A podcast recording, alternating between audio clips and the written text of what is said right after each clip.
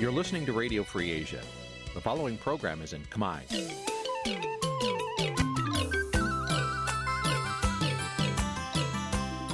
Nǐ chi càm bi tiệp xáy vệt chiu a zì sáy. នេះជាកម្មវិធីផ្សាយរបស់ Vithu Azisari ជាភាសាខ្មែរ វត្តឈូអាស៊ីសេរីសូមស្វាគមន៍លោកអ្នកនាងទាំងអស់ពីរដ្ឋធានី Washington នៃសហរដ្ឋអាមេរិក ចាប់ពីរដ្ឋធានី Washington នាងខ្ញុំម៉ៃសុធានីសូមជម្រាបសួរលោកអ្នកស្ដាប់ទាំងអស់ជាទីមេត្រីចាយើងខ្ញុំសូមជូនការផ្សាយសម្រាប់ព្រឹកថ្ងៃប្រហ័ស300ខែបោះឆ្នាំឆ្លូវត្រីស័កពុទ្ធសករាជ2565ហើយដល់ត្រូវនៅថ្ងៃទី20ខែមករាគ្រិស្តសករាជ2022ជាដំបូងនេះសូមអញ្ជើញលោកអ្នកនាងកញ្ញាស្ដាប់ព័ត៌មានប្រចាំថ្ងៃដែលមានមេត្តាដូចតទៅ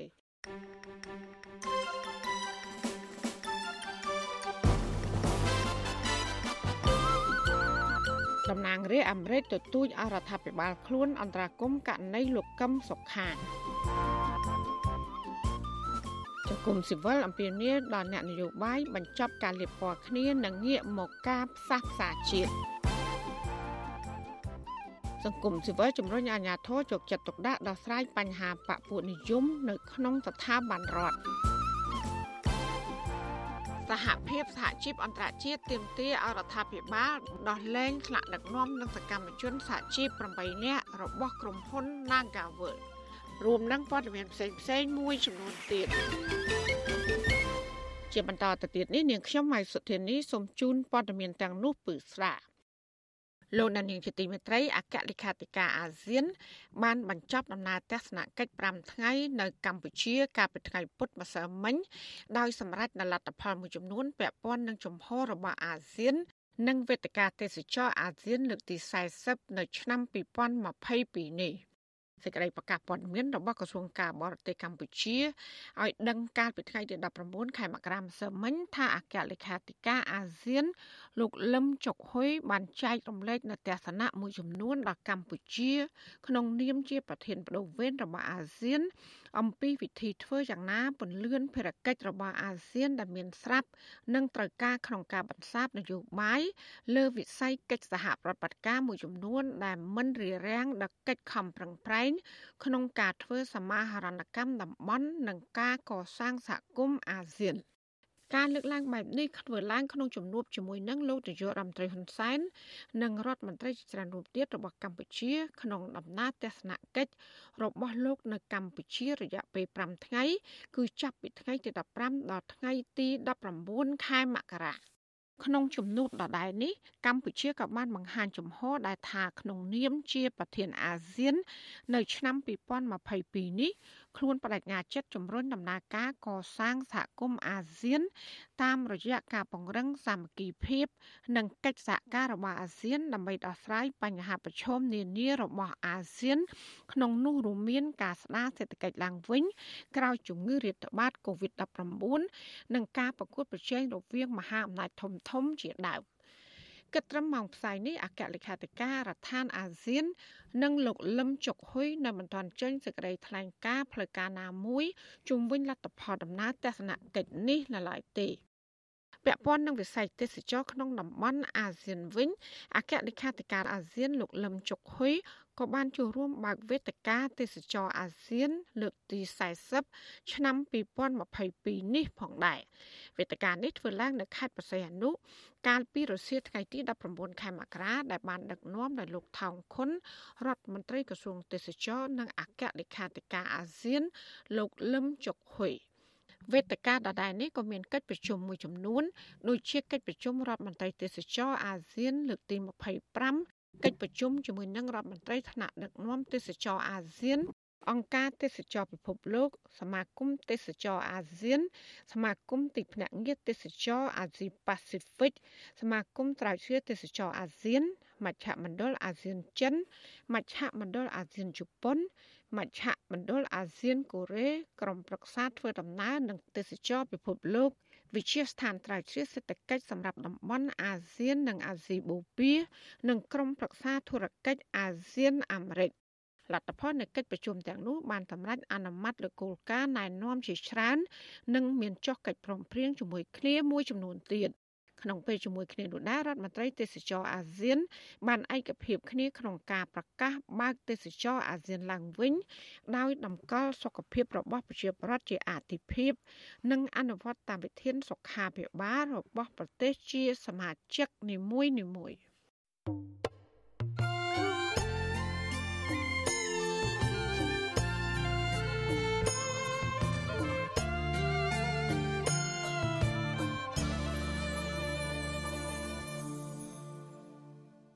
ចាលោកនានីជាទីមេត្រីប្រធានគណៈបកសង្គ្រោះជាតិលោកកឹមសុខា សង្ឃឹមថាតឡាការនឹងទម្លាក់ប័ណ្ណចោតពីលោក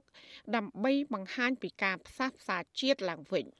មន្ត្រីសង្គមស៊ីវិលដែលតាមដានដំណើររឿងនេះក៏យល់ឃើញថាពួកគេ ចង់ឃើញអ្នកនយោបាយទាំងពីរភាគីរកផ្លូវចរចាឡើងវិញ ដើម្បីបញ្ចប់ចំនួននយោបាយដ៏រ៉ាំរ៉ៃមួយនេះដែរ ទោះជាយ៉ាងណាអ្នកនាំពាក្យគណៈបកកាន់អំណាចថាអ្នកប្តឹងលោកកឹមសុខា គឺជារដ្ឋាភិបាលដូច្នេះរដ្ឋាភិបាលមិនអាចទម្លាក់ចោលការចោទប្រកាន់នេះឡើយចាប់ពីរដ្ឋធានី Washington លោកយុនសាមៀនរាយការណ៍ព័ត៌មាននេះលោកកំសខាលើកឡើងថាលោករងចាំតឡាការបើកសវនាការឡើងវិញ ជាយូរមកហើយប្រធានគណៈបកប្រឆាំងរូបនេះមានជំនឿលើដំណោះស្រាយនយោបាយ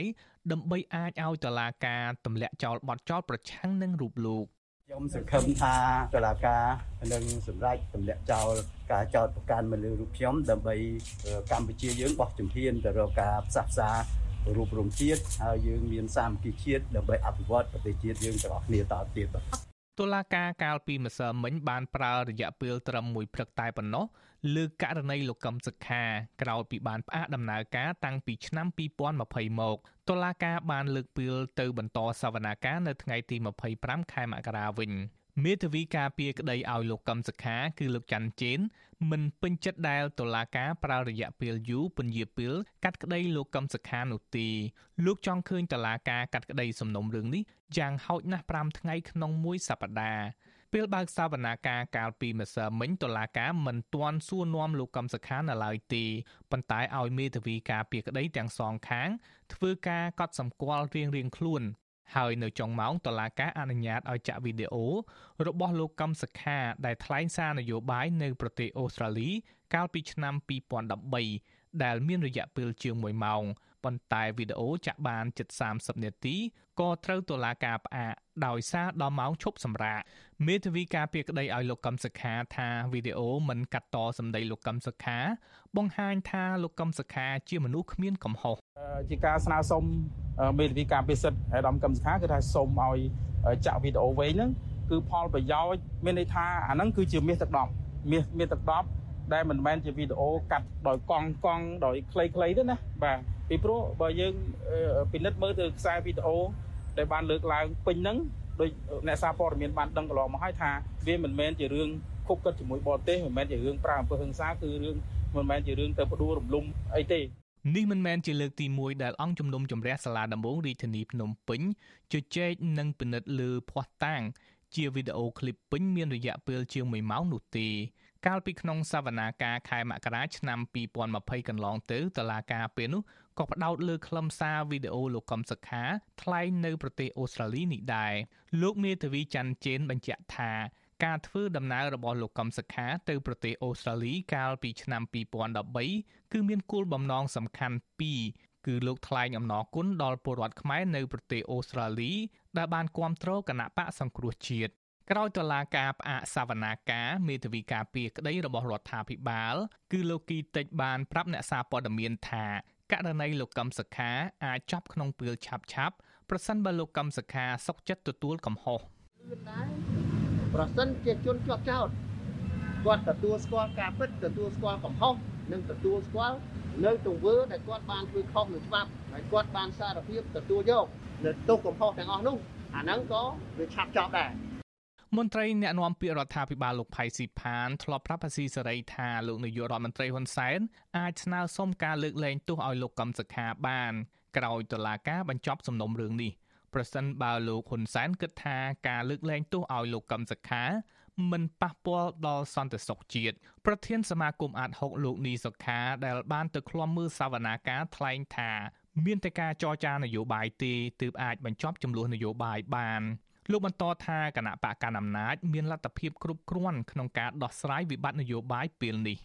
សវនាការលោកកឹមសុខាមានការឃ្លាំមើលពីមន្ត្រីសិទ្ធិមនុស្សតំណាងអង្គការសហប្រជាជាតិអ្នកគាំទ្រគណៈបកសង្គ្រោះជាតិប្រមាណ30នាក់និងមានការរឹតបន្តឹងសន្តិសុខពីក្រមសមត្ថកិច្ចផងដែរ ទោះបីជាយ៉ាងណាតឡាការមិនបានរៀបចំអនុញ្ញាតឲ្យអ្នកពាក់ព័ន្ធសំខាន់សំខាន់ដូចជាតំណាងអង្គទូតមន្ត្រីអង្គការសង្គមស៊ីវិលមួយចំនួនអាចចូលស្ដាប់សវនាការបាននោះទេអង្គការសង្គមស៊ីវិលស្នើទៅតុលាការគួរផ្សាយផ្ទាល់វីដេអូដើម្បីឲ្យសាធារណជនអាចមើលឃើញនៃដំណើរការក្តីដ៏សំខាន់មួយនេះលោកកម្មសខាត្រូវបានសមត្ថកិច្ចចាប់ខ្លួនដោយចោទប្រកាន់ពីបទក្បត់ជាតិ ដោយបានខົບខិតជាមួយសហរដ្ឋអាមេរិកដើម្បីផ្ដួលរំលំរដ្ឋាភិបាលកាលពីឆ្នាំ2017កាលពីឆ្នាំ2019តឡាកាបានអនុញ្ញាតឲ្យលោកអាចធ្វើដំណើរនៅក្នុងប្រទេសប៉ុន្តែហាមធ្វើនយោបាយនិងចេញក្រៅប្រទេសលោកហ៊ុនសែនធ្លាប់ថ្លែងក្នុងកិច្ចប្រជុំគណៈរដ្ឋមន្ត្រីថាលោកចង់ឲ្យសំណុំរឿងលោកកឹមសុខាអស់បន្លាយដល់ឆ្នាំ2024ខ្ញុំយុនសាមៀនវិទ្យុអាស៊ីសេរីពីរដ្ឋធានី Washington ចាលោកនាយកទីមេត្រីតកតងនឹងករណីលោកកឹមសុខានេះដែរតំណាងរាជសហរដ្ឋអាមេរិកពីរូបទទូចដល់រដ្ឋាភិបាលរបស់ខ្លួនឲ្យជួយលោកកឹមសុខារួចផុតពីការចោទប្រកាន់ដែលមានចរិតនយោបាយក្នុងលិខិតរួមគ្នារបស់សមាជិកសភាសហរដ្ឋអាមេរិកគឺលោក Alan Lowenthal និងលោក Steve Chabot កាលពីថ្ងៃទី17ខែមករាដែលបានផ្ញើទៅរដ្ឋមន្ត្រីការបរទេសសហរដ្ឋអាមេរិកលោក Anthony Blinken មានខ្លឹមសារថាយើងទទូចដល់លោករដ្ឋមន្ត្រីមេត្តាលើកយកករណីលោកកឹមសុខានេះទៅជជែកជាមួយនឹងថ្នាក់ដឹកនាំកម្ពុជារបស់រដ្ឋាភិបាលកម្ពុជា លិខិតបន្តថាលោកកឹមសុខាជាប្រធានគណៈបពប្រឆាំងដែលត្រូវបានតឡាការក្រុងភ្នំពេញរំលាយនោះត្រូវបានចាប់ខ្លួនកាលពីឆ្នាំ2017ពីបទជាប់ចោទថាបានខុបខិតជាមួយនឹងសហរដ្ឋអាមេរិកប៉ុនប៉ងផ្ដួលរំលំរបបលោកហ៊ុនសែន នេះគឺជាការចោទប្រកាន់បែបប្រឌិតដ៏ធ្ងន់ធ្ងរប្រឆាំងសហរដ្ឋអាមេរិកដើម្បីយកលេសកំទេចចោលគណៈបកសង្គ្រោះជាតិដែលជាគណៈបកនយោបាយតែមួយគត់អាចប្រកួតប្រជែងជាមួយនឹងគណៈបកកាន់អំណាចនៃរបបក្រុងភ្នំពេញ ចាប់តាំងពីការចាប់លោកកឹមសុខានិងរំលាយគណៈបកសង្គ្រោះជាតិកម្ពុជាបានក្លាយជារបបនយោបាយឯកបកនិងផ្ដាច់ការដឹកនាំដោយលោកហ៊ុនសែនដែលបានកាន់អំណាចជាង35ឆ្នាំមកហើយ គណៈលោកកឹមសុខាកំពុងប្រឈមនឹងក្តីក្តាំតឡាការនេះមន្ត្រីនិងសកម្មជននយោបាយបកប្រឆាំងជាច្រើនកំពុងជាប់ក្នុងពន្ធនាគារនិងជាច្រើនអ្នកទៀតកំពុងភៀសខ្លួនទៅនៅក្រៅប្រទេសដោយសារតែហេតុផលនយោបាយជាទង្វើរបស់លោកហ៊ុនសែនបណ្ដាលឲ្យមានការដាក់ទណ្ឌកម្មនានាពីសហរដ្ឋអាមេរិកនិងពីសហគមន៍អឺរ៉ុប តំណាងរាស្ត្រសហរដ្ឋអាមេរិកទាំងពីរបន្តថាវិធានការនានាត្រូវតែធ្វើបន្ថែម ដើម្បីផ្ញើសារដល់លោកហ៊ុនសែននិងរដ្ឋាភិបាលរបស់លោកឲ្យភ្លឺភ្នែកដើម្បីជាការព្រមាន ថាសហរដ្ឋអាមេរិកកំពុងសម្លឹងមើលពួកគេ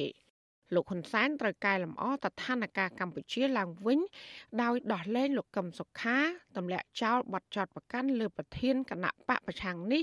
និងអ្នកនយោបាយដទៃទៀតព្រមទាំងបើកឲ្យគណៈបកសង្គ្រោះជាតិដំណើរការឡើងវិញ។ សមាជិកសភាសហរដ្ឋអាមេរិកគឺលោក Alan Lowenthal និងលោក Steve Chabot ក៏បានស្នើដល់រដ្ឋមន្ត្រីការបរទេសអាមេរិកលោក Anthony Blinken ឲ្យលើកបញ្ហាទាំងនេះទៅជជែកជាមួយនឹងថ្នាក់ដឹកនាំជាន់ខ្ពស់រដ្ឋាភិបាលកម្ពុជា ដើម្បីជំរុញឲ្យកម្ពុជាត្រឡប់មករកកន្លងប្រជាធិបតេយ្យឡើងវិញ។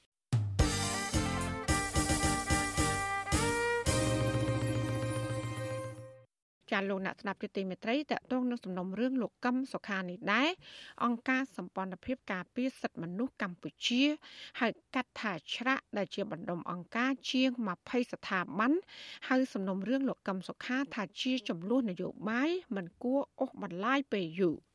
អង្គការនេះក៏បានចេញសេចក្តីថ្លែងការណ៍កាលពីថ្ងៃទី19ខែមករាម្សិលមិញក្រោយសវនកម្មលោកកឹមសុខាដោយបង្ហាញទស្សនៈថាករណីកាត់ទោសលោកកឹមសុខានិងអ្នកនយោបាយពាក់ព័ន្ធនឹងគណៈបកសង្គ្រោះជាតិនេះ គឺជារឿងនយោបាយហើយដែលចាំបាច់ត្រូវការដោះស្រាយតាមផ្លូវនយោបាយហើយចាំបាច់ត្រូវការដោះស្រាយជាបន្ទាន់និងកុំឲ្យបាត់បង់ផលប្រយោជន៍ជាតិកាន់តែធ្ងន់ធ្ងរទៅធ្ងន់ធ្ងរទៅ អង្គការដដែលនេះយល់ឃើញថាតាមរយៈការដោះស្រាយដូចសពថ្ងៃនេះធ្វើឲ្យប្រព័ន្ធតុលាការកាន់តែបាត់បង់នៅប្រសិទ្ធភាព ការទុកចិត្តនិងកេរ្តិ៍ឈ្មោះក្នុងស្រទាប់ប្រជាជាតិខ្មែរនៅក្នុងឆាកអន្តរជាតិអង្គការសម្ព័ន្ធភាពការពារសិទ្ធិមនុស្សកម្ពុជា គួរទទួលស្គាល់ថាតឡាការជាថ្នាំព្យាបាលផ្លូវចិត្តតែផ្ទុយទៅវិញប៉ះសិនបើតឡាការត្រូវបានប្រើប្រាស់ជាប្រយោជន៍បពពួកទៅវិញនោះ វាគឺជាថ្នាំពុលនិងជាជំងឺមហារីកផ្លូវចិត្តនៅក្នុងសង្គមខ្មែរដែលនាំឲ្យប៉ះពាល់ផ្លូវចិត្តកាន់តែធ្ងន់ធ្ងរថែមទៀតសេចក្តីថ្លែងការណ៍ដដែលឲ្យដឹងទៀតថាសេចក្តីសម្រេចនយោបាយណាមួយគួរតែគិតគូរអំពីផលប្រយោជន៍ដល់គ្រប់ប្រជាពលរដ្ឋដែលមាននិន្នាការផ្សេងផ្សេងគ្នា មេដឹកនាំគណៈបកនយោបាយណាមួយក៏ត្រូវតែគោរពសម្លេងឆ្នោត មិនត្រូវប្រើអំណាចបុគ្គលឬក៏បកពួករំលោភលើសេចក្តីសម្រេចរបស់ម្ចាស់ឆ្នោតព្រោះវាជាការរំលោភសិទ្ធិនយោបាយរបស់ប្រជាពលរដ្ឋដែលខុសគោលការណ៍ប្រជាធិបតេយ្យហើយជាលទ្ធផលសពថ្ងៃនេះគឺមានការថ្កោលទោសពីគ្រប់មជ្ឈដ្ឋានជាពិសេសគឺដៃគូអន្តរជាតិ អង្គការនេះសង្ឃឹមថាមេដឹកនាំគណៈបកនយោបាយគួរប្រញាប់បញ្ចប់ការចោទប្រកាន់ការលៀបពណ៌គ្នា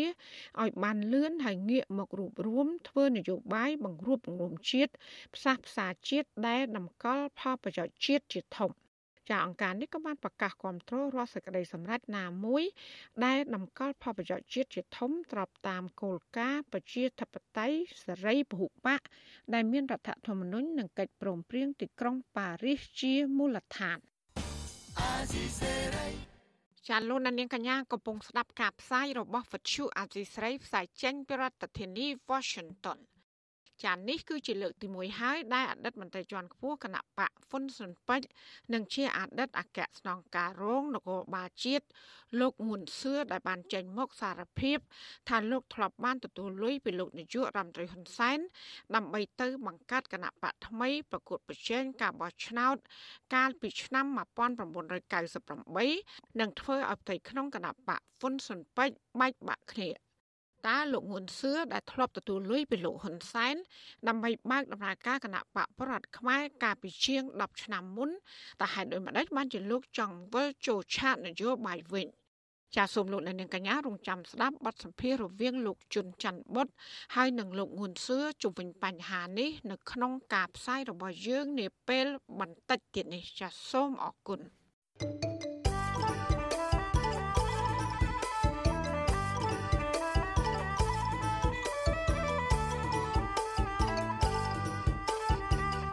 ចាលោកនាងជាទីមេត្រីមន្ត្រីអង្គការប្រឆាំងអំពើពុករលួយ អំពាវនាវដល់អាជ្ញាធររដ្ឋាភិបាលដោះស្រាយបញ្ហាពុករលួយបពពួកនិយមនៅតាមស្ថាប័នរដ្ឋដើម្បីធានា ថាមន្ត្រីនៅតាមស្ថាប័នទាំងអស់នោះ អាចបំពេញការងារទៅតាមជំនាញតាមតួនាទី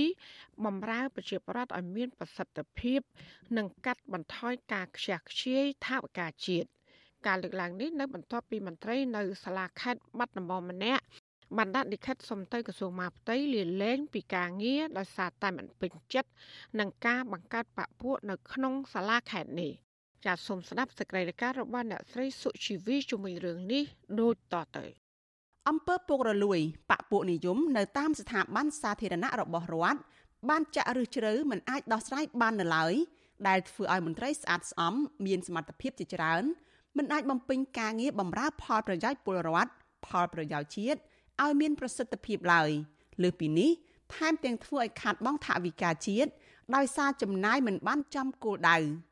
នាយកប្រតិបត្តិអង្គការដំឡាភិបកម្ពុជាលោកពេជ្រពិសីមានប្រសាសន៍ថាបពពួកនិយមនៅក្នុងស្ថាប័នរដ្ឋគឺជាប្រភេទមួយនៃអំពើពុករលួយ ដែលប៉ះពាល់ធ្ងន់ធ្ងរដល់ដំណើរការបំពេញការងាររបស់មន្ត្រីនៅស្ថាប័នទាំងនោះលោកថារឿងនេះ កើតមាននៅគ្រប់ស្ថាប័នរដ្ឋទាំងអស់ដែលចាំបាច់អាជ្ញាធរពាក់ព័ន្ធត្រូវចាត់វិធានការដោះស្រាយបញ្ហានេះមន្ត្រីដែលគាត់ប្រហែលជាគាត់មានសមត្ថភាពហ្នឹងគាត់អាចបាក់ទឹកចិត្តហើយគាត់លែងចង់ធ្វើកិច្ចការហើយបញ្ហានេះជាការខាត់បងរបស់រដ្ឋាភិបាលរបស់វិស័យសាធារណៈរបស់យើងបាទអញ្ចឹងគួរតែត្រួតពិនិត្យបញ្ហានេះជាប្រព័ន្ធហើយធ្វើការដោះស្រាយបញ្ហានេះបើមិនអញ្ចឹងទេយើងអាចប្រហែលជាអាចមានមន្ត្រីផ្សេងទៀតដែលគាត់ អ្នកខ្លះគាត់មិនលាលែងទេប៉ុន្តែគាត់ចេះតែនៅទៅហើយគាត់បាទទៅធ្វើការរោស៊ីអីផ្សេងទៅកន្លែងហ្នឹងគឺមានន័យថាយើងខាត់បងធនធានមនុស្សនៅក្នុងស្ថាប័នសាធារណៈដែលយើងច្រើនតែគិតថាខ្វះខាតធនធាន ត្រូវការរើសបន្ថែមច្រើនប្រចាំឆ្នាំក៏ប៉ុន្តែតាមពិតមន្ត្រីដែលមានស្រាប់នឹងយើងអត់បានប្រើប្រាស់គាត់ឲ្យអស់លទ្ធភាពទេបាទបើសិនជាយើងធ្វើការកែតម្រង់ជាប្រព័ន្ធហើយប្រើប្រាស់មន្ត្រីឲ្យគ្រប់សមត្ថភាពប្រើប្រាស់ពេលវេលាឲ្យត្រូវខ្ញុំគិតថាប្រហែលជាយើងមិនចាំបាច់រើសមន្ត្រីច្រើនពេកទេផ្ទុយទៅវិញយើងអាចដំឡើងប្រាក់ខែឲ្យឲ្យគាត់មានជីវភាពរស់នៅសមរម្យផងបាទការលើកឡើងនេះបន្ទាប់ពីមន្ត្រីម្នាក់នៅសាលាខេត្តបាត់ដំបងបានដាក់លិខិតទៅរដ្ឋមន្ត្រីក្រសួងមហាផ្ទៃលោកសខេង កាលពីថ្ងៃទី18ខែមករាដោយស្នើសុំលាឈប់ពីមន្ត្រីរាជការស៊ីវិលរបស់ក្រសួងនេះលោកលីឌីនូរីជាមន្ត្រីថ្នាក់លេខ2នៃក្របខ័ណ្ឌមន្ត្រីរដ្ឋបាលជាន់ខ្ពស់ក្រសួងមហាផ្ទៃដែលបច្ចុប្បន្នជាមន្ត្រីនៅសាលាខេត្តបាត់ដំបង បញ្ជាក់នៅក្នុងលិខិតសុំលាលែងពីការងារនោះថាមូលហេតុចម្បងគឺលោកមិនពេញចិត្តនឹងការបង្កើតបកពួកក្នុងសាលាខេត្តបាត់ដំបងមួយថ្ងៃបន្ទាប់សាលាខេត្តបាត់ដំបងបានចេញលិខិតបំភ្លឺថាលោកលីឌីណូរី ដែលជាមន្ត្រីនៅការិយាល័យគ្រប់គ្រងបុគ្គលិកនៃទីចាត់ការគ្រប់គ្រងធនធានមនុស្សត្រូវបញ្ជូនមកធ្វើការនៅសាលាខេត្តកាលពីដើមឆ្នាំ2019បន្ទាប់ពីលោកបានធ្វើជាអភិបាលរងនៅស្រុកថ្មគោលប្រពន្ធដដែលអះអាងថាលោកលីឌីណូរីបានដាក់ពាក្យសុំស្ថិតនៅក្រៅក្របខ័ណ្ឌហើយទៅធ្វើជាទីប្រឹក្សាឲ្យក្រសួងសង្គមគិច្ចអតីតយុទ្ធជននិងយុវនីតិសម្បទាមួយរយៈហើយក៏ត្រឡប់មកសាលាខេត្តវិញ សាលាខេត្តចោទថាលោកលីឌីណូរីមិនបានទៅធ្វើការងារជាប់លាប់ឡើយគឺតែងតែអវត្តមានអត់ច្បាប់ ជាមួយគ្នានេះកាលពីថ្ងៃទី18ខែមករាសាលាខេត្តបានចេញលិខិតកោះហៅលោកលីឌីណូរីឲ្យទៅធ្វើការវិញក្រោយអវត្តមានជាច្រើនថ្ងៃ។វិទ្យុអាស៊ីសេរីមិនទាន់អាចសុំការបញ្ជាក់បន្ថែមពីលោកលីឌីណូរីបាននៅឡើយទេជុំវិញរឿងនេះតែយ៉ាងណា លោកលីឌីណូរីបានសរសេរនៅលើទំព័រ Facebook របស់លោកថាលោកមិនបដិសេធនឹងសាលាខេត្តទេតែលោកចោទសួរទៅសាលាខេត្តវិញថាតើកន្លងមកធ្វើទុកបុកម្នេញរូបលោកមិនគ្រប់គ្រាន់មែនទេ នៅពេលលោកចូលទៅបំពេញការងារតើធានាទេថាមានការងារធ្វើដោយមន្ត្រីធម្មតាឬត្រឹមតែចង់ឲ្យលោកទៅអង្គុយអានកសែតលោកថាបើបែបនោះលោកសុកចិត្តសុំលាឈប់ទៅធ្វើការងារឯកជនវិញ កម្ពុជាតែងជាប់ឈ្មោះនៅក្នុងបញ្ជីអន្តរជាតិជាប្រទេសប្រព្រឹត្តអំពើពុករលួយខ្លាំងរហូតមកដល់ពេលបច្ចុប្បន្ននេះសន្ទុះក្នុងឆ្នាំ2020របស់អង្គការដំឡាភិបអន្តរជាតិបង្ហាញថាកម្ពុជាឈរនៅចំណាត់ថ្នាក់ទី160ក្នុងចំណោមប្រទេសនិងដែនដីសរុបចំនួន180នៅលើពិភពលោកនៅកម្រិតតំបន់ប្រទេសកម្ពុជាបន្តស្ថិតនៅក្នុងចំណោមប្រទេសមានពិន្ទុទាបជាងគេ នៅតំបន់អាស៊ីប៉ាស៊ីហ្វិក នៅលើតែប្រទេសអាហ្វហ្គានីស្ថាននិងប្រទេសកូរ៉េខាងជើងតែប៉ុណ្ណោះហើយក៏ជាប្រទេសដែលមានពិន្ទុទាបជាងគេបំផុតនៅក្នុងតំបន់អាស៊ានផងដែរលោកពេជ្រពិសេសបញ្ជាក់ថាកត្តាចម្បងដែលអាចបោះសម្អាតនិងទប់ស្កាត់អំពើពុករលួយបពពួកនិយមនៅក្នុងស្ថាប័នរដ្ឋបានគឺការអនុវត្តច្បាប់ដ៏ត្រឹមត្រូវនិងតឹងរឹងដោយមិនរើសមុខនាងខ្ញុំសុជីវីវិទ្យុអាស៊ីសេរីប្រធានាធិបតី Washington ចាលោកនាយកទីមេត្រីពាក់ព័ន្ធនឹងក្រុមកម្មករកាស៊ីណូ Naga World វិញសហភាពសហជីពអន្តរជាតិនិងអង្គការគាំទ្រសហជីពចំនួន7ស្ថាប័នតំណាងឲ្យកម្មករនៅទូទាំងពិភពលោកនិងនៅកម្ពុជា បានផ្ញើលិខិតរួមគ្នាជូនលោកនាយករដ្ឋមន្ត្រីហ៊ុនសែនដោយបង្ហាញក្តីព្រួយបារម្ភចំពោះការចាប់ខ្លួនថ្នាក់ដឹកនាំនិងសកម្មជនសហជីព8នាក់ដែលបម្រើការងារនៅក្រុមហ៊ុន Casino Naga World ពួកគេទាមទាររដ្ឋាភិបាលកម្ពុជាដោះលែងអ្នកទាំងនោះជាបន្ទាន់ហើយទម្លាក់ចោលការចោទប្រកាន់ដោយគ្មានលក្ខខណ្ឌចាសសូមស្ដាប់សេចក្តីរាយការណ៍របស់លោកជាតិចំណានជំវិញព័ត៌មាននេះបណ្ដាអង្គការគាំទ្រសហជីពនិងសហភាពសហជីពអន្តរជាតិខាងការងារលើកឡើងនៅក្នុងលិខិតផ្ញើជូនលោកនាយរដ្ឋមន្ត្រីហ៊ុនសែនចុះថ្ងៃទី18ខែមករាថា រដ្ឋាភិបាលកម្ពុជាមានកាតព្វកិច្ចគោរពតាមសំណើដែលដាក់បញ្ចូលទៅគណៈកម្មាធិការអនុវត្តស្តង់ដារស្ដីពីអនុសញ្ញាលេខ87ក្នុងសន្និសីទការងារអន្តរជាតិលើកទី109កាលពីខែមិថុនាឆ្នាំ2021ដោយចាត់វិធានការចាំបាច់បញ្ឈប់ការចាប់ខ្លួន ការឃុំខ្លួន និងការកាត់ទោសលើតំណាងសហជីពដោយសារតែធ្វើសកម្មភាពស្របច្បាប់ពួកគេសង្កត់ធ្ងន់ថាគ្មាននរណាត្រូវបានផ្ដន្ទាទោសដោយសារតែការរៀបចំអនុវត្តសិទ្ធិធ្វើកុតកម្មស្របច្បាប់នោះឡើយ។ ហើយកម្មករគួរតែទទួលបានសិទ្ធិធ្វើការតវ៉ាដោយសន្តិវិធីដើម្បីការពារផលប្រយោជន៍ការងារពួកគេជំរុញឲ្យរដ្ឋាភិបាលកម្ពុជាដោះលែងតំណាងសហជីពដែលកំពុងជាប់ឃុំទាំងអស់ជាបន្ទាន់និងទម្លាក់ចោលការចោទប្រកាន់តាមផ្លូវតុលាការដោយគ្មានលក្ខខណ្ឌហើយសមត្ថកិច្ចត្រូវបញ្ឈប់ការធ្វើទុកបុកម្នេញទៅលើក្រុមគឧតកោដែលធ្វើការតវ៉ាដោយសន្តិវិធីស្ថាប័នអន្តរជាតិទាំងនោះស្នើឲ្យក្រសួងការងារនិងអាជ្ញាធររាជធានីភ្នំពេញគោរពសិទ្ធិសេរីភាពរបស់ក្រុមគឧតកោ និងធានានឹងការចរចាដោះស្រាយវិវាទការងារនេះដោយភាពស្មោះត្រង់រហូតដល់មានកិច្ចព្រមព្រៀងមួយរវាងភាគីទាំងពីរទន្ទឹមគ្នានេះក្រុមកម្មករ Nagawal ប្រមាណ20នាក់បានបញ្ចប់ការដាក់ញត្តិនៅស្ថានទូតចំនួន3ទៀតនៅថ្ងៃទី19ខែមករាក្នុងនោះមានស្ថានទូតឥណ្ឌូនេស៊ីឥណ្ឌានិងសាធារណរដ្ឋឆែកដើម្បីឲ្យស្ថានទូតទាំងនោះជួយអន្តរាគមន៍ទៅរដ្ឋាភិបាលឲ្យដោះលែងតំណាងសហជីព8នាក់និងពន្យាដំណោះស្រាយវិវាទការងារជាមួយនឹងក្រុមហ៊ុនឲ្យបានឆាប់ បុគ្គលិកនៃក្រុមហ៊ុន Nagawal កញ្ញាអោបសុភមូលិកាសង្ឃឹមថាតាមរយៈការដាក់សំណើទៅបណ្ដាស្ថានទូតចំនួន14កន្លែងក្នុងរយៈពេល3ថ្ងៃនេះនឹងមានដំណោះស្រាយពេលឆាប់ៗខាងមុខនេះ ពួកខ្ញុំចង់មកសំខាន់គឺឲ្យអង្គទូតទាំងអស់ជួយពន្លឿននៃការដោះលែងថ្នាក់ដឹកនាំសហជីពរបស់យើងទាំងអស់ហ្នឹងតែ8រូបហ្នឹងឲ្យចេញមកវិញព្រោះពួកគាត់អត់មានកំហុសអីទេពួកគាត់បានប្រព្រឹត្តបទល្មើសអីទេអឺខាងអង្គទូតគាត់ក៏បាននិយាយថាចាំគាត់នឹងជួយពិនិត្យមើលឡើងវិញតែគាត់ក៏មិនមានសិទ្ធិអីនៅក្នុងការលូកដៃនៅក្នុងវិស័យឧស្សាហកម្មដែរតែគាត់នឹងជួយជំរុញនិងពិនិត្យមើលឡើងវិញទៅសិទ្ធិការងារ វិទ្យុអស៊ីសេរីមិនអាចសុំការឆ្លើយបំភ្លឺរឿងនេះពីអ្នកនាំពាក្យរដ្ឋាភិបាលលោកផៃស៊ីផាននិងអ្នកនាំពាក្យក្រសួងការងារលោកហេងសួរបានទេនៅថ្ងៃទី19ខែមករាដែលហៅទូរស័ព្ទចូលតែពុំមានអ្នកទទួលចំណែកសាលាដំបូងរាជធានីភ្នំពេញឯណោះវិញចាក់ក្រុមស៊ើបសួរលោកអឹមវណ្ណៈបន្តការសាកសួរទៅលើសមាជិកសហជីព2នាក់គឺលោកស្រីឈឹមសុខុននិងលោកស្រីរីសុវណ្ណឌីនៅថ្ងៃទី19ខែមករាហើយមនុស្ស4នាក់ទៀតនឹងសាកសួរនៅពេលបន្ទាប់ទៀតដោយមួយលើកមានមនុស្ស2នាក់ មេធាវីការពារក្តីឲ្យក្រុមតំណាងសហជីពលោកសំចម្រើនឲ្យដឹងថាតុលាការសាកសួរគុណក្តីលោកភាគច្រើនផ្ដោតទៅលើសកម្មភាពប្រមូលផ្ដុំធ្វើកោតកម្មនឹងមុខក្រុមហ៊ុន Nagawal ដែលអាជ្ញាធរនិងតុលាការចាត់ទុកថាជាបាតកម្មខុសច្បាប់ 8នាក់គេសួរ6នាក់បន្ថែម2នាក់ទៀតសុកណារិតនិងជឹមស៊ីធខ្ញុំគិតថាប្រហែលជាគេមិនសួរបន្ថែមទេព្រោះដោយសារអីកាលពីថ្ងៃទី5ហ្នឹងជឹមស៊ីធត្រូវបានជាក្រុមសួរសួរដល់2ដងសួរពេលព្រឹកម្ដងសួរពេលល្ងាចម្ដងអញ្ចឹងខ្ញុំគិតថាប្រហែលជាមិនសួរទៀតទេសម្រាប់អ្នក6នាក់នេះគេស្បែកចែកជា3កម្មវិធីថ្ងៃ19នេះ2នាក់ ថ្ងៃ21 2នាក់ថ្ងៃ24 2នាក់ជិតសួរ6នាក់ហើយរបៀបសួរហ្នឹងគឺมันខុសគ្នាទេគឺថាគឺសួរជុំវិញកម្មវិធីសិទ្ធិកោតកម្មរបស់ពួកគាត់ហ្នឹងហើយកម្មវិធីពាក់ព័ន្ធមួយចំនួនខ្ញុំសូមបញ្ជាក់បានប៉ុណ្្នឹងឯណាវិទ្យុអស៊ីសេរីមិនអាចសុំការឆ្លើយតបបំភ្លឺរឿងនេះពីអ្នកនាំពាក្យតុលាការក្រុងភ្នំពេញលោកអេរិនបានទេនៅថ្ងៃទី19ខែមករាដែលហៅទូរស័ព្ទចូលតែពុំមានអ្នកទទួលតាក់ទងនឹងរឿងនេះនាយករងទទួលបន្ទុកផ្នែកខ្លំមើលសិទ្ធិមនុស្សនៃអង្គការលីកាដូលោកអំសំអាតមានប្រសាសន៍ថា ការចាប់ខ្លួនតំណាងបុគ្គលិកនិងសមាជិកសហជីព8នាក់ដាក់ពន្ធនាគារកន្លងមកនេះគឺជារឿងមិនសមហេតុផលតាមផ្លូវច្បាប់នោះទេព្រោះនេះជាវិវាទការងាររួមរវាងកម្មករនិងតកែក្រុមហ៊ុនហើយការធ្វើកោតកម្មដោយសន្តិវិធីជិត1ខែនេះគឺជាការប្រើសិទ្ធិទាមទារដោះស្រាយស្របតាមច្បាប់លោកបញ្យលថាអាញាធរមានកាតព្វកិច្ចសម្របសម្រួលដោះស្រាយវិវាទការងារមួយនេះផ្អែកទៅតាមច្បាប់ជាជាងដាក់សម្ពាធតាមផ្លូវតុលាការទៅភាគីម្ខាងឲ្យព្រមទទួលយកសំណង ដើម្បីបញ្ឈប់បញ្ហានោះគឺជារឿងមិនត្រឹមត្រូវនិងមិនទទួលយកបាននោះទេមើលទៅគឺគាត់ធ្វើទៅតាមច្បាប់អស់ទៅហើយមានការជូនដំណឹងការអីទាំងអស់ប៉ុន្តែ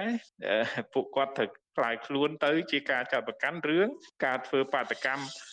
ខុសច្បាប់អីទៅវិញអាហ្នឹងអង្គការសង្គមស៊ីវិលមើលឃើញថាវាជាការបំពានទៅលើសិទ្ធិរបស់ពួកគាត់ហើយហេតុផលក្នុងការចាប់និងការឃុំខ្លួននេះវាជាការគម្រាមកំហែងបំផិតបំភ័យហើយនឹងបន្តិចបន្តដាក់បំបាក់ស្មារតីកុំឲ្យធ្វើកោតកម្មបន្តទៀតតែប៉ុណ្ណោះបាទគិតមកដល់ពេលនេះថ្នាក់ដឹកនាំនិងសមាជិកសហជីពនៃកម្មករ Nagawal 8នាក់កំពុងជាប់ឃុំក្នុងពន្ធនាគារព្រៃសររយៈពេល20ថ្ងៃហើយ ស្របពេលដែលក្រុមកម្មករនៅតែបន្តធ្វើកោតកម្មនៅលើផ្លូវរដ្ឋសភាទាមទារឲ្យមានការដោះលែងតំណាងពួកគេ8នាក់ឲ្យត្រឡប់មកវិញ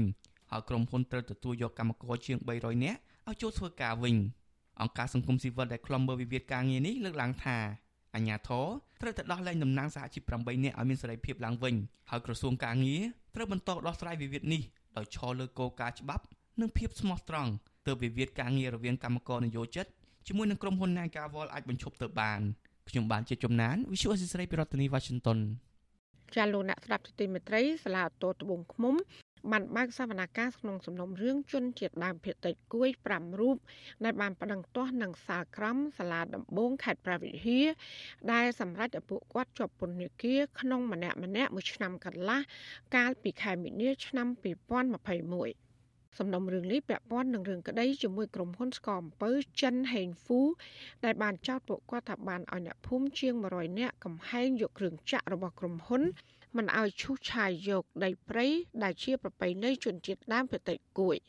ចាលោកទីនសាការីយ៉ារីកាព័ត៌មាននេះប្រជាពលរដ្ឋជនជាតិដើមភាគតិចគួយ5នាក់ដែលមានវិវាទដីធ្លីជាមួយក្រុមហ៊ុនស្កអំពើហេងហ្វូនោះបានចូលរួមសវនាការនៅសាលាឧទ្ធរត្បូងឃ្មុំនៅព្រឹកថ្ងៃទី19មករា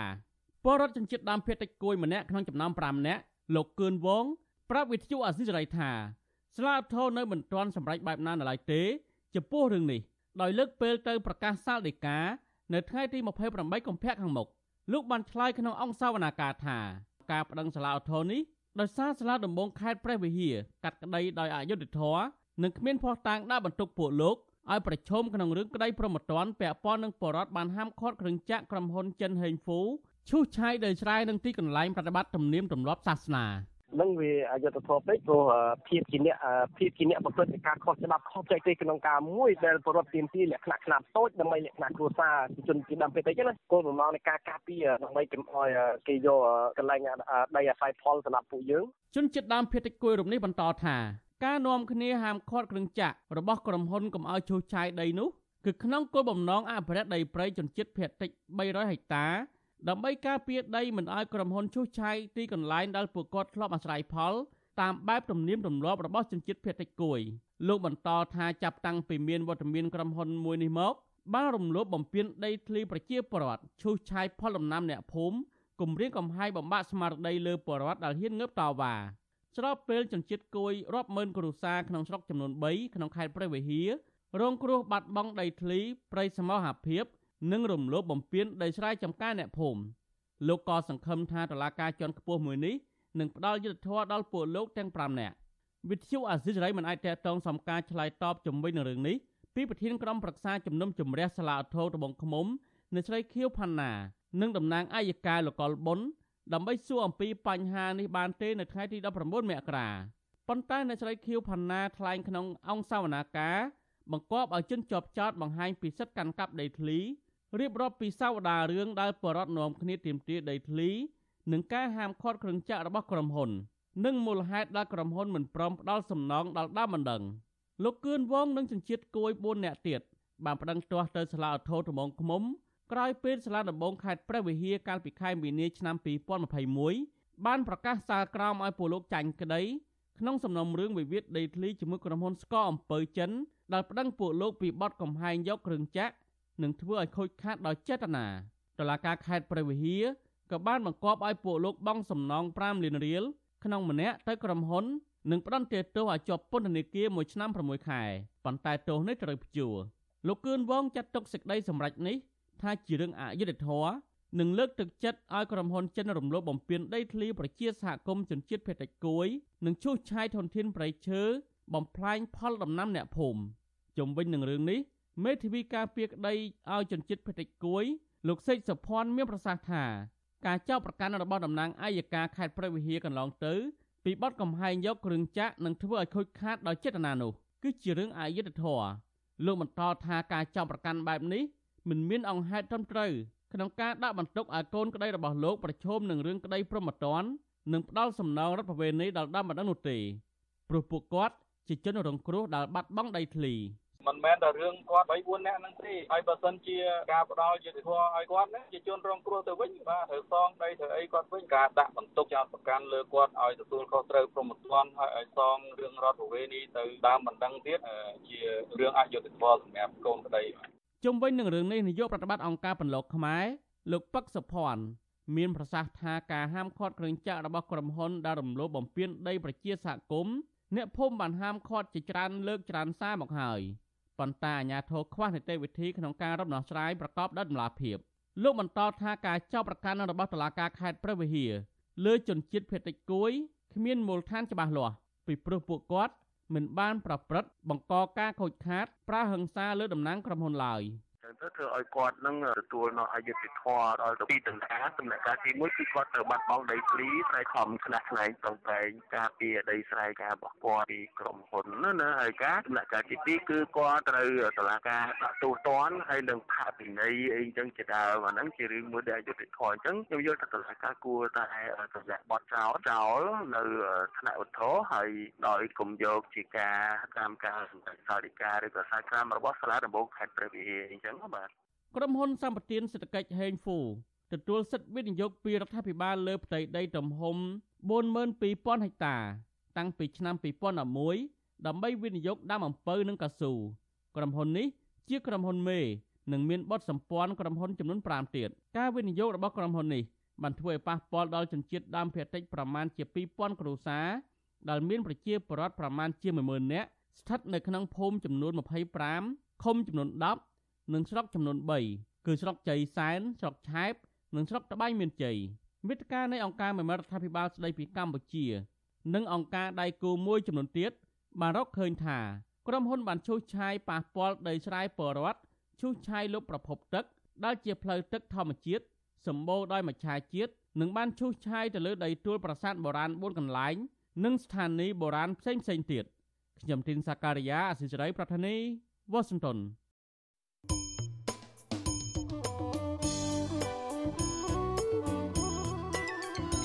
លោកអ្នកនាងកញ្ញាកំពុងស្ដាប់ការផ្សាយរបស់វិទ្យុអាស៊ីស្រីផ្សាយចេញពីរដ្ឋធានី Washington ចាវិទ្យុអស៊ីស្រីផ្សាយតាមរលកធាតុអាកាសខ្លីឬ short wave តាមកម្រិតនិងកម្ពស់ដូចតទៅ ពេលព្រឹកចាប់ពីម៉ោង5កន្លះដល់ម៉ោង6កន្លះតាមរយៈរលកធាតុអាកាសខ្លី9390 kHz ស្មើនឹងកម្ពស់ 32m ហើយនឹង11850 kHz ស្មើនឹងកម្ពស់ 25m ចាសម្រាប់ពេលយប់វិញចាប់ពីម៉ោង7កន្លះដល់ម៉ោង8កន្លះគឺតាមរយៈរលកធាតុអាកាសខ្លី9390 kHz ស្មើនឹងកម្ពស់ 32m ហើយនឹង15155 kHz ស្មើនឹងកម្ពស់ 20m ចាសសូមអរគុណ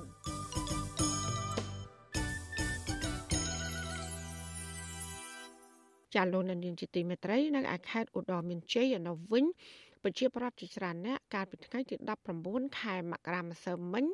បានលើកគ្នាតវ៉ារារាំងគ្រឿងចាក់មួយគ្រឿងដែលកាយក្រវ៉ាត់កំណត់ព្រំដីប៉ះពាល់ដីស្រែចម្ការរបស់ពួកគាត់ជាច្រើនហិកតា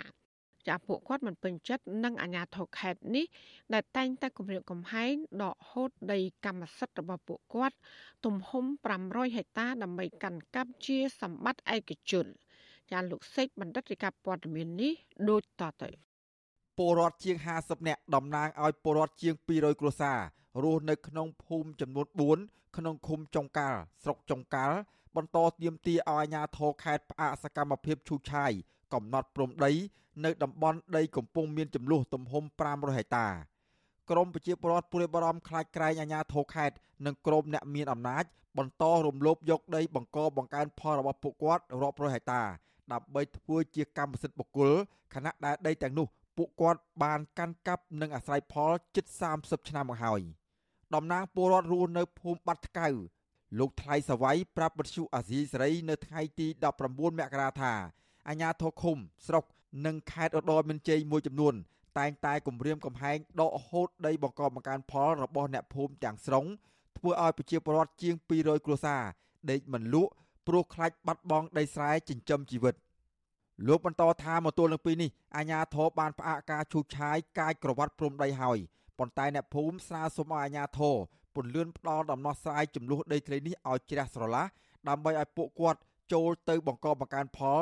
រកប្រាក់ចំណូលចិញ្ចឹមជីវិតដោយគ្មានការភ័យខ្លាច ទីព្រឹក្សាខេត្តក៏មានឃុំណែគេ ចង់ប្រពន្ធគ្នាគេលូបយកដីជាបរិទ្ធសូមស្ដេចដីជោមេត្តាជាបរិទ្ធនៅភូមិនេះណែដោះស្រាយឲ្យបានរួចរាល់ផងព្រោះថ្ងៃវាកម្មពីណាអ្នកធំចង់ប្រពន្ធគ្នាធ្វើបាបជាបរិទ្ធនេះធ្វើទម្លាក់ស្លឹកឆ្នោតស្ដេចដីជោទាំងស្រុងបរោះដដាលបន្ថែមថាដីមានចំនួននោះស្ថិតនៅចំណុចអូរស័យធំ និងចំណុចកន្ទួលច្រាបសរុបចំនួន500ហិកតា កំពុងប្រឈមការគម្រាមកំហែងដកហូតយកទាំងស្រុងពីសំណាក់អាជ្ញាធរខលខូចមួយចំនួន ធ្វើឲ្យពលរដ្ឋកើតទុកមិនសុខចិត្តលោកបន្ថែមថាដីកសិកម្មជាង100ហិកតាស្ថិតនៅក្នុងចំណោមដី500ហិកតា ដែលពួកគាត់ទៀមទាកំពុងកាន់កាប់ដោយអាជ្ញាធរខលខូចមួយចំនួន ក្នុងបំណងគ្រប់គ្រងជាកម្មសិទ្ធិបុគ្គលតំណាងពលរដ្ឋរូបនេះស្នើសុំមិនបង្ហាញអត្តសញ្ញាណអាជ្ញាធរដែលរំលោភយកដីតែនោះទេព្រោះបារម្ភពីសុវត្ថិភាពវិទ្យុអាស៊ីសេរីបានតាក់ទងសុំការបំភ្លឺរឿងនេះពីអភិបាលស្រុកចុងកាល់លោកវុតបាក់ តែអ្នកលើកទូរស័ព្ទនិយាយថាច្រឡំលេខចំណែកអ្នកនាំពាក្យសាលាខេត្តឧត្តរមានជ័យលោកឌីរ៉ាដូបដិសេធមិនបំភ្លឺរឿងនេះទេដោយលោកប្រាប់ថាកំពុងជាប់រវល់ចុះបំពេញបេសកកម្មសូមអធិស្ឋានដោយសារខ្ញុំទៅតែមកពីប្រជុំនៅក្រុងពិសេសនោះហើយកំពុងធ្វើដំណើរស្ដាប់អត់ទៅបានជុំវិញរឿងនេះមន្ត្រីសម្របសម្រួលសមាគមអាត6ខេត្តឧត្តរមានជ័យ លោកស្រីណារ៉េនយល់ថាអាញាធរខេត្តគួរតែជជែកជាមួយនឹងក្រមប្រជាពលរដ្ឋដើម្បីរកដំណោះស្រាយរួមប្រកបដោយយុត្តិធម៌និងតម្លាភាពដោយមិនគួរប្រើគ្រឿងចាក់ឈូសឆាយដី ដែលកំពុងមានចំនួននោះទេលោកពន្យល់ថាប្រសិនបើអាជ្ញាធរប្រើអំណាចរដ្ឋរំលោភយកដីស្រែចម្ការរបស់ប្រជាពលរដ្ឋមកធ្វើជាសម្បត្តិឯកជន នោះគឺជាទង្វើប្រឆាំងនឹងច្បាប់រដ្ឋរំលោភលើសិទ្ធិពលរដ្ឋ ជាបញ្ហាហ្នឹងគួរតែគាត់ហ្នឹងខាងអាជ្ញាធរហ្នឹងកំណត់ពេលវេលាណាមួយសមរម្យដាក់បញ្ហាលើតុទៅហើយធ្វើការដោះស្រាយជាមួយគ្នាទៅហើយមានអ្នកសង្កេតការឯករាជ្យចូលរួមផងទៅអញ្ចឹងណាមិនមែនដកហូតដើម្បីប្រយោជន៍របស់ប្រទេសរបស់ជាតិទេណាយើងយកទៅជាបុគ្គលអាហ្នឹងដែលជារឿងមួយដែលរំលោភទៅលើជាប្រវត្តិហើយកាលពីខែមិថុនាឆ្នាំ2021ពលរដ្ឋជាង100នាក់បានលើកគ្នាតវ៉ានៅសាលាស្រុកចុងកាល់ដើម្បីទាមទាររកដំណោះស្រាយជុំវិញចំនួនដីធ្លីនេះ ក្នុងពេលតវ៉ានោះមន្ត្រីសាលាស្រុកបានប្រាប់ពលរដ្ឋថាអាជ្ញាធរបានបញ្ជូនក្រុមការងារជំនាញចុះដោះស្រាយរឿងនេះហើយដោយសម្រេចថានឹងចែកដីឲ្យពលរដ្ឋទំហំក្បាល50ម៉ែត្របណ្ដោយ100ម៉ែត្រក្នុងមួយគ្រួសារព្រោះពលរដ្ឋបានចូលទៅកាន់កាប់រុករានដីព្រៃសាធារណៈរបស់រដ្ឋនិងដីចំណីមាត់អូបំពេញច្បាប់ប៉ុន្តែពលរដ្ឋបានបដិសេធការលើកឡើងបែបនេះនិងមិនទទួលយកដំណោះស្រាយនោះឡើយ ខ្ញុំបាទសេកបណ្ឌិតវិទ្យុអាស៊ីសេរីពីរដ្ឋធានីវ៉ាស៊ីនតោន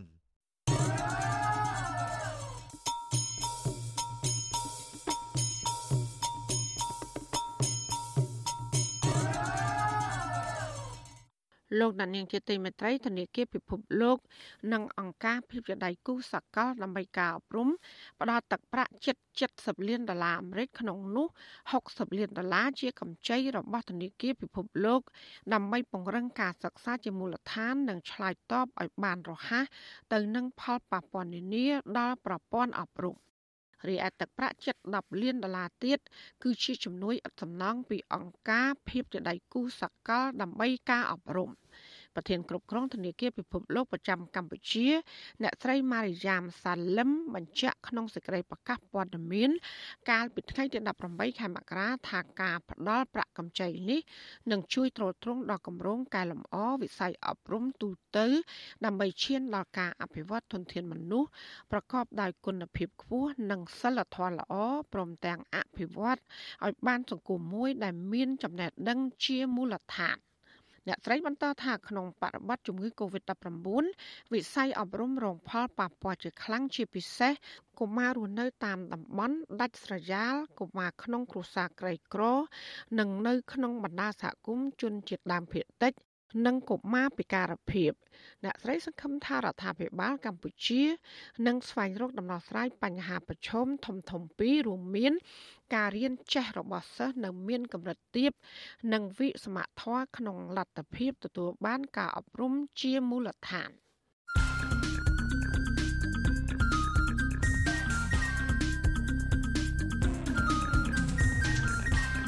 បទសំភារ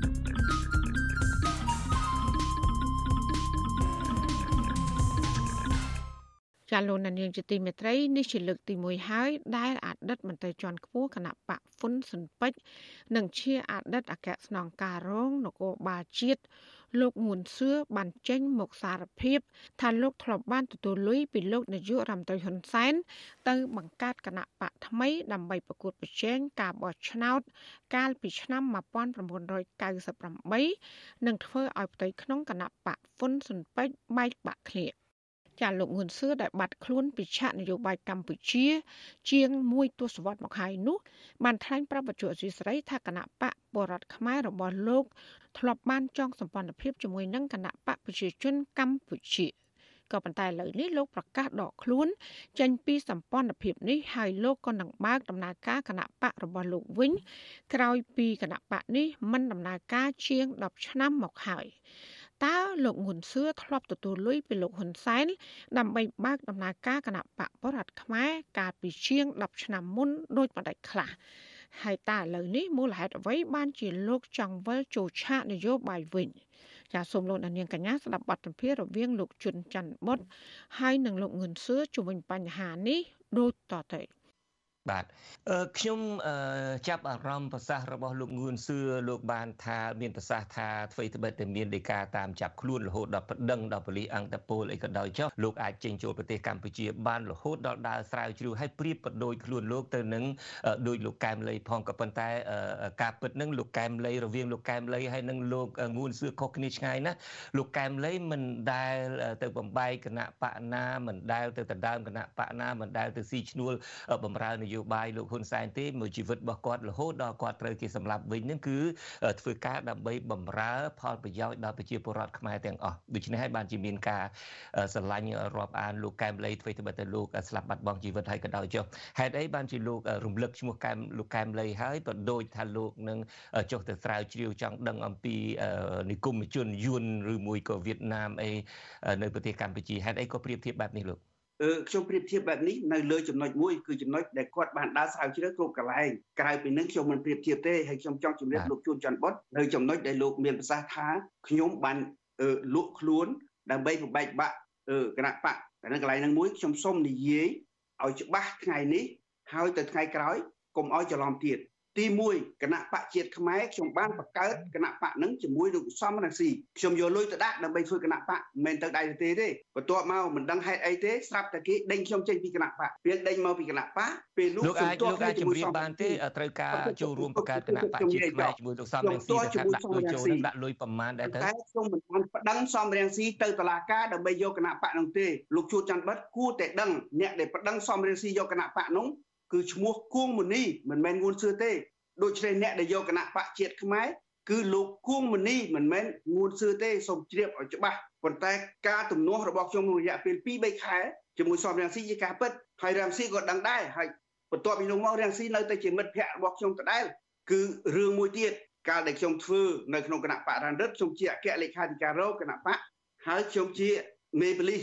ដោយលោកជួនច័ន្ទបុតជ្រាបស្រាប់ហើយ ពេលនោះលោកហ៊ុនសែនអឺលោកហ៊ុនសែនសុំទោសលោករ៉ានរិទ្ធបានឲ្យខ្ញុំទៅស្រុកយួនដើម្បីតាក់ទងជាមួយអ្នកដឹកនាំយួនថាបើសិនជាហ្វុងស៊ីពេចមានរឿងជាមួយនឹងហ៊ុនសែនជាមួយនឹងគណៈបព្វជិជនសូមកុំឲ្យយួនតាក់ទងកន្លែងហ្នឹងសូមជ្រាបច្បាស់ខ្ញុំមិនដែលនិយាយឲ្យពីណាដឹងទេហើយខ្ញុំទៅហ្នឹងណារានរត់ធ្វើសបុតឲ្យខ្ញុំមួយខ្ញុំទៅជាមួយលោកផាន់ស៊ីណាផាន់ស៊ីណារងថ្ងៃនៅស្រុកខ្មែរធ្វើអន្តរយូគាត់ឲ្យគាត់និយាយពីរឿងហ្នឹងទៅខ្ញុំមកវិញខ្ញុំឃើញថាគ្រោះថ្នាក់ចិត្តដល់ហើយសមាជិកពងស៊ីពេច នឹងអាចស្លាប់ដោយសារកំហុសរានរត់ចង់វាយហ៊ុនសែនហើយវាយយ៉ាងណាក៏មិនឈ្នះហ៊ុនសែនដែរព្រោះខ្ញុំស្គាល់កម្លាំងហ៊ុនសែនចឹងហើយបានជាខ្ញុំធ្វើយ៉ាងណាដើម្បីឲ្យរានរឹតចុះខ្សោយឲ្យរានរឹតគណៈបកនឹងបែកបាក់កុំឲ្យវាយជាមួយហ៊ុនសែនបានប៉ុន្តែដោយលោកជ្រាបស្រាប់ហើយរ៉ានរឹតលោកនឹងលោកនេះជាមនុស្សម្នាក់ដែលធ្វើឲ្យគណៈបកហ្វុនស៊ិនពេជ្រនឹងចុះខ្សោយបើតាមលោកមានប្រសាសន៍ខ្ញុំចង់ឲ្យចុះខ្សោយដើម្បីកុំឲ្យវាយប្រហារទៅលើគណៈបក ប្រជាជនព្រោះកម្លាំងទ័ពការពារគណៈបកប្រជាជនត្រូវលោកត្រូវលោកហ៊ុនសែនផ្ដល់លុយកាក់ឲ្យច្រើនប្រមាណដែរទេដែលធ្វើឲ្យលោកคลายខ្លួនទៅជាមនុស្សបំបែកគណៈបករបស់ខ្លួនឲ្យខ្សោយដើម្បីកុំឲ្យតតាំងជាមួយគណៈបកប្រជាជនកម្ពុជាខ្ញុំជម្រាបថាពេលនោះខ្ញុំជាសមាជិកខ្ញុំជាប្រធានរបស់គណៈបកពលរដ្ឋខ្មែរហើយគណៈបកពលរដ្ឋខ្មែរបានចងសម្ព័ន្ធភាពជាមួយនឹងគណៈបកប្រជាជនដូច្នេះខ្ញុំធ្វើក្នុងឋានៈជាសម្ព័ន្ធភាពហើយខ្ញុំជម្រាបថា ឲ្យសួរលោកហ៊ុនសែនទៅលោកហ៊ុនសែនមិនដែលឲ្យលុយខ្ញុំមួយរៀលយកមកចាយទេប៉ុន្តែលោកហ៊ុនសែនបានចំណាយលុយមួយខែ1000ដុល្លារឲ្យសម្រាប់បង់ថ្លៃទីស្នាក់ការគណៈបកនឹងខ្ញុំជម្រាបណាអស់ប្រហែលជាយ៉ាងច្រើន10000 20000ប៉ុណ្ណឹងទេក្រៅពីនឹងលោកហ៊ុនសែនមិនដែលឲ្យលុយខ្ញុំទេហើយបើពីណានិយាយផ្ទុយអញ្ចឹងគណៈបកពលរដ្ឋខ្មែរដែលលោកបកកើតគឺលោកហ៊ុនសែនជាអ្នក sponsor លោកហ៊ុនសែនជាអ្នកគ្រប់គ្រងរហូតដល់មានការបង់ថ្លៃជួលអគារអីជាដើម បាទគាត់បងថ្លៃជួលអគារជាដើមហើយខ្ញុំជម្រាបរឿងហ្នឹងណារាល់ថ្ងៃគណៈបក13 13តែ1000ដុល្លារពីលោកហ៊ុនសែនបងថ្លៃអគារសោះលោកងួនសឿហេតុអីក៏លោករហូតដល់តែងាកមកប្រឆាំងជាមួយនឹងទំនុំចាស់របស់ខ្លួនឯងបានលុយដូចតិចតួចណាស់អឺមិនមែនរឿងលុយទេដែលខ្ញុំធ្វើខ្ញុំធ្វើដើម្បីការពារការពារអាយុជីវិតរបស់សមាជិកគណៈបកហ្វុងស៊ីពេកបើខ្ញុំឲ្យការពារទេខ្សោយហើយថាការពារគណៈបកមានន័យយ៉ាងម៉េចទៅលោកងួនសឿ ប្រហែលជាអ្នកស្លាប់ច្រើនជាងហ្នឹងមិនមែនតិចដូចដូចអញ្ចឹងទេនេះគាត់ស្លាប់រាប់ម៉ឺនអ្នកទេបើសិនជាខ្ញុំមិនជួយការពារប្រហែលជារាប់សែនអ្នកហើយសួរទៅសួរភុងសិនពេជ្រទៅពួកទាហានក៏ដោយពួកនគរបាលក៏ដោយអ្នកដែលនៅរស់ថាតើខ្ញុំបានជួយនរណាខ្លះក្នុងចំណោមនោះខ្ញុំជម្រាបទោះបីជាលោកសូផននឹងក៏ខ្ញុំជួយដែរ លោកងឿនសឿតំណាក់តំណងលោកសម្ព័ន្ធភាពគណៈបកពលរដ្ឋខ្មែរលោកជាមួយនឹងគណៈបកប្រជាជនកម្ពុជារបស់លោកហ៊ុនសែននឹងមកដល់ពេលនេះលីលែងពីគ្នាហើយលែងមានសម្ព័ន្ធភាពមួយគ្នាទៀតហើយអរគុណលោកជួនច័ន្ទវត្តដែលបានសួរខ្ញុំចំណុចហ្នឹងតាំងពីឆ្នាំដែលខ្ញុំបានសញ្ញេសម្ព័ន្ធភាពជាមួយគណៈបកប្រជាជនខ្ញុំចូលរួមបោះឆ្នោតខ្ញុំបានតែជាង25000នាក់ទេដូច្នេះខ្ញុំអត់បានជាប់ជាតំណាងរាស្ត្រទេ ហើយបន្ទាប់មកខ្ញុំដាក់គណៈបកហ្នឹងឲ្យដេកអត់ដំណើរការទេរហូតដល់ ថ្ងៃនេះលោកមានវិបដិសេរីទេលោកងួនសឿខ្ញុំយល់ហើយអំពីរឿងដែលថាលោកលែងមានសម្ព័ន្ធភាពជាមួយនឹងលោកហ៊ុនសែននឹងហើយលោកមានវិបដិសេរីទេលោកកំពុងតែនិយាយអំពីប្រទេសកម្ពុជាយើងនឹងវាត្រូវលែងប្រមូលផ្ដុំហើយកុំឲ្យមានការកាន់អំណាចប្រមូលផ្ដុំឯជាដើមលោកមានវិបដិសេរីទេនៅពេលដែលលោកទៅធ្វើគណៈបកនយោបាយមួយដើម្បីគ្រាន់តែផ្ដល់ កម្លាំងឲ្យលោកហ៊ុនសែនដើម្បីឲ្យកាន់តែប្រមូលផ្ដុំថែមទៀតនឹងរហូតដល់លោកបានមានប្រសាសន៍ឲ្យថាលោកមិនបានលុយបានកាក់ផ្ទាល់មែនក៏ប៉ុន្តែបានដី6ហិកតាក្នុងចំនួនដែលលោកហ៊ុនសែននឹងជួយគ្រប់គ្រងលោកហ៊ុនសែននឹងជួយបង់ថ្លៃអាគារជួលគណៈបកនឹងមួយខែ1000អីជាដើមនឹងមកដល់ពេលនេះលោកមានវិបដិសារីទេដែលជួយធ្វើឲ្យលោកហ៊ុនសែននឹងមានកម្លាំងប្រមូលផ្ដុំនឹងកាន់តែខ្លាំងជម្រាបលោកតាមត្រង់ចំពោះចំណុចនឹងមុនជម្រាបថាខ្ញុំមានវិបដិសារីឬក៏អត់ខ្ញុំចង់ជម្រាបថា ខ្ញុំធ្វើនយោបាយខ្ញុំនៅក្នុងគណៈបកសុងស៊ីពេចគណៈបកពុនស៊ីពេចសហការជាមួយនឹងគណៈបកប្រជាជនបន្ទាប់មកខ្ញុំចេញពីគណៈបកហ្វុងស៊ីនពេចខ្ញុំទៅសហការជាមួយគណៈបកប្រជាជនខ្ញុំជម្រាបលោកជួនច័ន្ទបុតលោកជួនច័ន្ទបុតហើយនៅខ្មែរមួយចំនួនថាអេងួនសឿម្ដងនៅគណៈបកនេះម្ដងនៅគណៈបកនោះដូរចុះដូរឡើងមិនឈប់ខ្ញុំជម្រាបថានយោបាយខ្ញុំដើរមុនអ្នកទាំងអស់នោះទាំងអស់ គាត់តែថ្លៃទីសកាអីប៉ុណ្ណឹងទីទួលលេខថាឲ្យលោកហ៊ុនសែនបង្កើតគណៈបកណាខ្លះឲ្យគណៈបកណាខ្លះដែរដែលលោកធ្លាប់រស់នៅជាមួយនឹងលោកហ៊ុនសែនមានសម្ព័ន្ធភាពនឹងគណៈបកណាខ្លះដែលលោករៀបរាប់បានអឺខ្ញុំចាំមិនច្បាស់ទេពងកាលនោះលោកលោកមើលចេះទៅយល់ហើយគណៈបកដែលចងសម្ព័ន្ធភាពជាមួយគណៈបកជាជួនពេលនោះណាពេលដែលខ្ញុំចងសម្ព័ន្ធភាពនោះបានឆ្នាំ98ហ្នឹង798ហ្នឹងមានគណៈបកដូចជា7 8គណៈបកបាទខ្ញុំភ្លេចឈ្មោះអស់ហើយគណៈបកទាំងអស់នោះ គឺគណៈបកប្រជាជនឲ្យលុយមួយខែ1000ដុល្លារដើម្បីបងទីស្នាក់ការតែប៉ុណ្្នោះទេមិនមែនទីស្នាក់ការមួយ1000ទេណាគឺឲ្យ1000សម្រាប់ទីស្នាក់ការទាំងអស់មកស្រុកខ្មែរនឹងខ្ញុំជម្រាបដូច្នេះលុយហ្នឹងវាជាលុយកពិកកពុកមែនទែនយើងមិនអាចយល់ថា លុយហ្នឹងគេគេគេជួលទេគេមិនជួលទេក្រៅពីឲ្យក្នុងនៃគណៈបកមានឲ្យជាបុគ្គលផ្ទាល់ទេលោកងួនសឿអាចសារភាពបានទេអាចហ៊ាននិយាយការពិតបានទេអត់ដែលបានទទួលលុយដោយផ្ទាល់ពីលោកហ៊ុនសែនទេខ្ញុំមិនដែលបានទទួលលុយដោយផ្ទាល់ពីលោកហ៊ុនសែនទេហើយលោកហ៊ុនសែនកាលពីចំនួននោះក៏គាត់គ្មានលុយច្រើនដូចរាល់ថ្ងៃដែរហើយរាល់ថ្ងៃតាមលឺថាគាត់មានលុយច្រើនប៉ុន្តែការពិតខ្ញុំមិនដឹងទេណា ប៉ុន្តែពេលនោះពេលដែលខ្ញុំនៅជាមួយគាត់នោះធ្វើការជាមួយគ្នានោះខ្ញុំឃើញគាត់មិនទាន់មានលុយច្រើនទេដូច្នេះគាត់គ្មានលុយណាយកទៅជួលទៅទិញអ្នកនេះអ្នកនោះអីទេ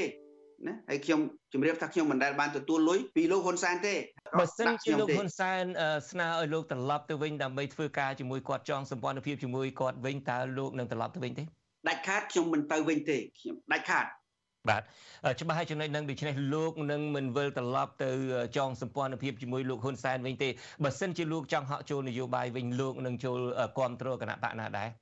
ចំពោះចំណុចនឹងខ្ញុំចង់ជម្រាបចេះថាដរាបណា ប្រព័ន្ធនយោបាយនៅអញ្ចឹងណាឥឡូវនេះថ្ងៃនេះខ្ញុំប្រកាសដាក់ផ្ដាច់សម្ព័ន្ធភាពជាមួយនឹងគណៈបកប្រជាជនពីថ្ងៃនេះតទៅខ្ញុំឈប់សហការជាមួយគណៈបកប្រជាជនទៀតហើយ បានសេចក្តីថាខ្ញុំអាចរិះគន់គណៈបកប្រជាជនបានឬក៏អ្នកនយោបាយរបស់គណៈបកប្រជាជនបានពីថ្ងៃនេះទៅឥឡូវពេលនេះចំណន់ពន្ធភាពយើងបានផ្ដាច់ហើយខ្ញុំប្រកាសដាច់ហើយហើយខ្ញុំប្រកាសដំណើរការគណៈបកជាតិគណៈបកពលរដ្ឋខ្មែរឡើងវិញប៉ុន្តែសួរថាតើខ្ញុំដំណើរការហ្នឹងខ្ញុំទៅការពារអ្នកណា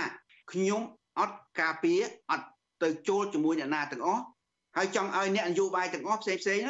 យកខួរក្បាលមកគិតថាធ្វើ ប្រជាធិបតេយ្យប្រមូលផ្ដុំដោយរាល់ថ្ងៃគឺទៅអត់រួចទេខ្មែរនៅតែទាស់គ្នានៅតែកាប់ចាក់គ្នាអញ្ចឹងធ្វើប្រជាធិបតេយ្យរបៀបខ្ញុំទៅបាទប្រជាធិបតេយ្យស្វ័យយ័តបាទគេថាយើងឲ្យអំណាចទៅថ្នាក់ខេត្តទៅថ្នាក់ឃុំស្រុកមិនបាច់ឲ្យមានទេស្រុកបំបត្តិចោលទៅហើយបោះឆ្នោតខ្ញុំនិយាយនេះគឺមានឧទាហរណ៍នៅស្រុកបារាំងស្រុកមួយប្រទេសមួយដែលខ្ញុំនៅយូរហើយគេធ្វើប្រជាធិបតេយ្យអញ្ចឹងបានសេចក្តីថាអ្នកឯងឡើងធ្វើនាយករដ្ឋមន្ត្រីអ្នកឯងមាននយោបាយអ្នកឯងផ្សេងប៉ុន្តែនៅតាម ខេត្តនៅតាមឃុំច្បាប់កំណត់ថាមេឃុំមានសិទ្ធិធ្វើអីខ្លះខេត្តច្បាប់កំណត់ថាចៅហ្វាយខេត្តធ្វើអីខ្លះហើយចៅហ្វាយខេត្តនឹងហើយមេឃុំនឹងក្នុងឋានៈខ្លួនជាតំណាងឲ្យរដ្ឋាភិបាលមានសិទ្ធិធ្វើអីខ្លះបាទអរគុណលោកងួនសឿដែលបានផ្ដល់ឱកាសឲ្យខ្ញុំបាទបានសម្ភាសលោកឲ្យខ្ញុំបាទសូមអរគុណហើយនឹងសូមជូនពរលោកឲ្យមានសុខភាពល្អជាពិសេសសូមឲ្យជៀសផុតអំពី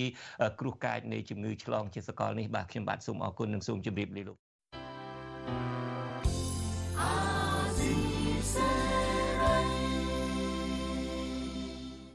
ជាជាបន្តទៅទៀតនេះនាងខ្ញុំម៉ៃសុធានីសូមជូនព័ត៌មានបញ្ចប់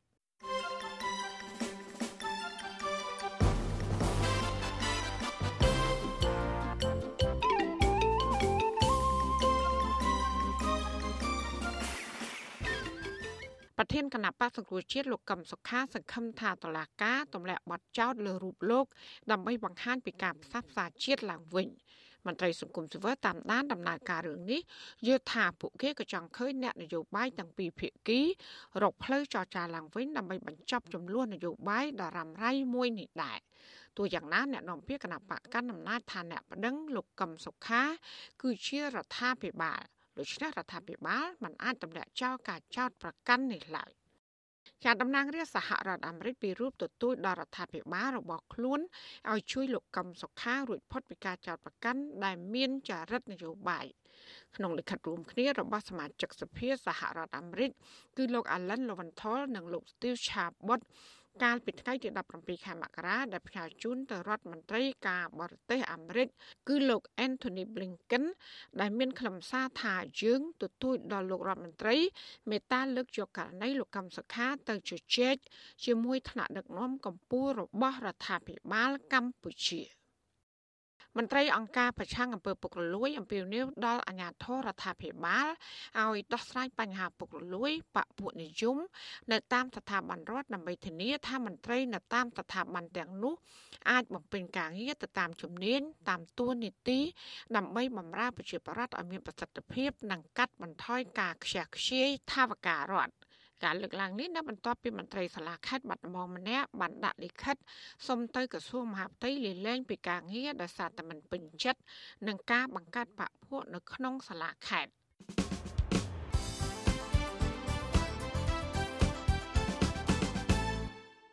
ចាលោកលានាងកញ្ញាអ្នកស្ដាប់ជាទីមេត្រីការផ្សាយរយៈពេល1ម៉ោងរបស់វិទ្យុអាស៊ីស្រីជាភាសាខ្មែរនៅពេលនេះចាប់តែប៉ុណ្ណេះ។ ចាយើងខ្ញុំទាំងអស់គ្នាសូមជូនពរលោកនាងនិងក្រុមគ្រួសារទាំងអស់សូមជួបប្រកបតែនឹងសេចក្តីសុខសេចក្តីចម្រើន ជានិរន្តរ៍ចានាងខ្ញុំម៉ៅសុធានីព្រមទាំងក្រុមការងារទាំងអស់របស់អសីស្រីសូមអរគុណនិងសូមជម្រាបលា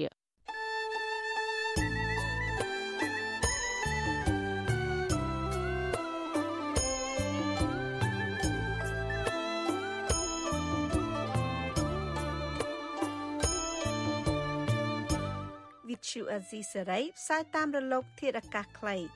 ឬ short wave តាមកម្រិតនិងកម្ពស់ដូចតទៅនេះ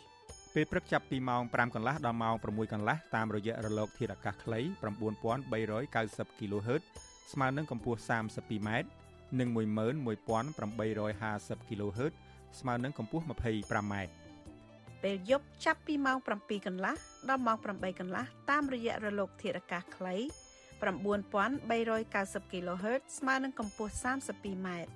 និង15155 kHz ស្មើនឹងកម្ពស់ 20m លោកអ្នកនាងក៏អាចស្ដាប់ការផ្សាយផ្ទាល់តាមប្រព័ន្ធអ៊ីនធឺណិតដោយចូលទៅកាន់គេហទំព័រ www.rfa.org/ ខ្មែរក្រៅពីនេះលោកអ្នកនាងក៏អាចអាននិងទស្សនាព័ត៌មានវិទ្យុអេស៊ីសេរីលើទូរស័ព្ទដៃរបស់លោកអ្នកផ្ទាល់ សូមលោកអ្នកនាងចូលទៅកាន់បណ្ដាញសង្គម Facebook ដែលមានអាសយដ្ឋាន www.facebook.com/rfa.cambodia និង YouTube www.youtube.com/rfa ខ្មែរ video សូមលោកអ្នកនាងចុច like និងចុច subscribe ដើម្បីទទួលបានព័ត៌មានថ្មីៗទាន់ហេតុការណ៍និងទស្សនាវីដេអូផ្សេងៗទៀតបានគ្រប់ពេលវេលា។